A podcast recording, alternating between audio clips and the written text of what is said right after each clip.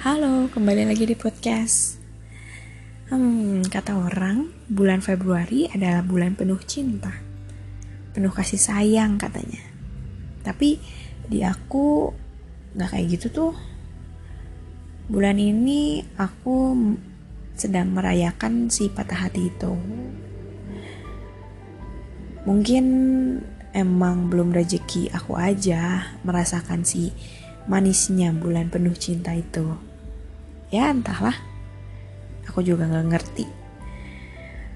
Dulu sering menerima pesan sapaan selamat pagi dari dia. Sekarang udah nggak ada. Dulu biasanya ditemenin kalau lagi overthinking juga sekarang udah nggak ada ternyata rasanya kehilangan tuh kayak gitu ya harus beradaptasi lagi semua hal yang biasanya ada temannya, ada orangnya, itu sekarang harus dilakukan semuanya sendiri. Kayaknya itu deh yang ngebuat beberapa orang takut untuk sendiri atau ngejomblo. Untuk aku pribadi, jujur, aku pun kayak gitu awalnya. Maksudku aku tuh udah kebiasa dengan rutinitas yang ada dianya. Terus sekarang harus dipaksa untuk berubah. Ya muncul tuh perasaan takut, takut ini, takut itu. Jadinya overthinking. Emang kalau udah di dalam pikiran kita, segala kejadian yang semestinya biasa aja itu malah jadi skenario yang heboh banget. Jadinya kan ya capek sendiri.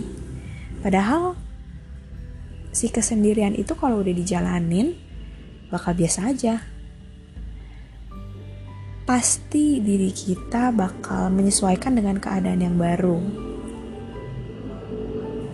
Ya pokoknya nanti pasti bakal biasa aja. Terus dengan kondisi dan situasi aku yang sekarang aku jadi membenci satu waktu yaitu waktu malam hari. Nah di sana itu emang paling enak untuk overthinking dan biasanya pelarian aku itu curhat cerita atau bercanda sama dia. Terus sekarang orangnya udah nggak ada itu ya aku cuma bisa pendem dan aku temani dengan dengerin lagu-lagu galau. Aku tahu semestinya kalau udah di jam rawan kayak gitu aku harus cepet-cepet tidur. Cuman ya namanya juga insomnia. Jadi gak bisa tidur. Kalian pasti relate lah dengan itu. Itu sisi buruk dari si kesendirian itu. Dan aku juga ngerasain sisi baiknya dari si kesendirian. Yaitu aku ngerasa segala rasa kegalauan sedih yang aku alami itu menjadi suatu hal, suatu proses yang bisa aku nikmati. Bukan yang ngebuat aku malah jadi makin terpuruk. Enggak, enggak kayak gitu. Aku malah jadi lebih mengenali diri sendiri.